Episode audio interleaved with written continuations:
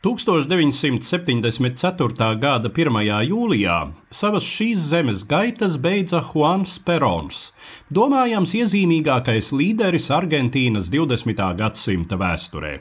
Viņa politiskās darbības apogejs bija pagājušā gadsimta vidū. Viņam līdzās šai laikā bija viņa otrā sieva Eva Perona, leģendārā Evita, kuras prasme iekarot masu simpātijas lieliski vairoja vīra politisko kapitālu.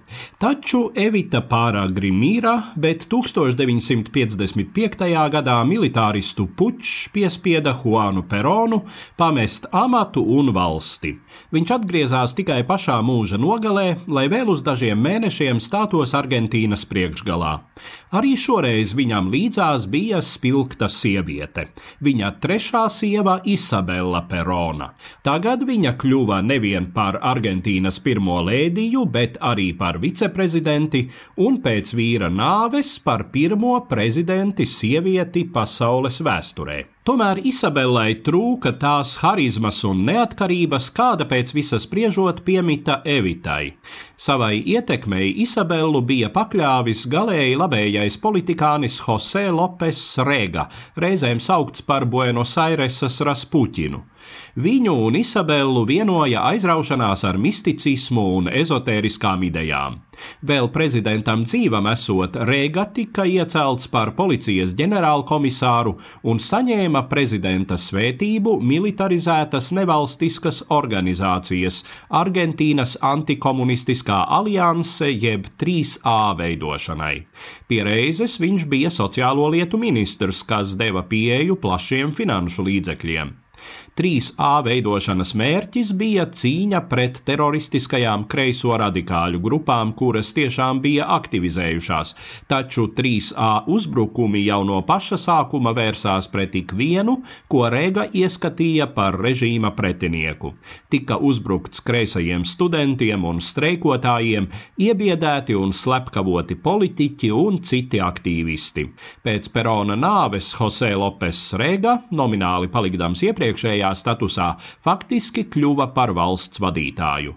3A upuru skaits pēc pašu antikomunistu aplēsēm jau sniedzās tūkstošos, bet ne Rēgas bandītu trakošana, ne arvien plašākie demokrātisko brīvību ierobežojumi nemazināja kreiso teroru. No posteņiem tika padzīti daudzi kompetenti vadītāji, valdības ekonomiskā politika kļuva nekonsekventa, pieauga inflācija, bet mēģinājumi to apkarot ar šoka terapijas metodēm izraisīja ekonomikas stagnāciju situāciju. Galu galā vispārējas rūkstošas neapmierinātības situācijā prezidente upurēja Regu, kurš īpašā sūtņa statusā tika aizsūtīts uz Spāniju.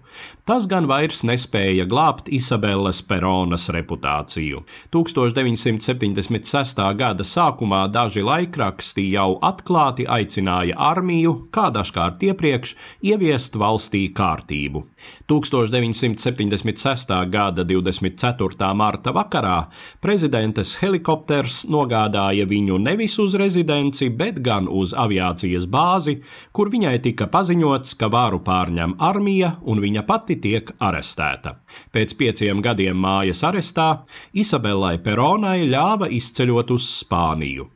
Nākamajā dienā pēc puča argentīnieši uzzināja, ka viņiem tagad ir Nacionālās reorganizācijas valdība ar bruņoto spēku virspavēlnieku Jorge Videlu priekšgalā. Militārā hunta sabiedrības nomierināšanai ieviesa tādu valsts teroru, salīdzinot ar kuru regas akcijas bija tikai ziediņi.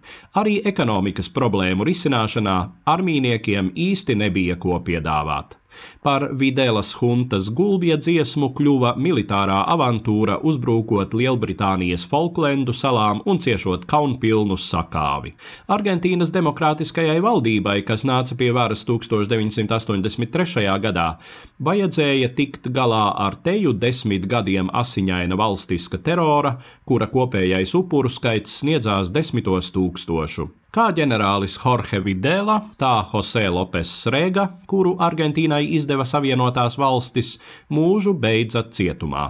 Argentīnas tiesu instances pieprasīja arī Isabelas Peronas izdošanu, taču Spānijas tiesa atzina, ka viņas iespējamajiem nodarījumiem iestājies noilgums. Stāstīja Eduards Liniņš.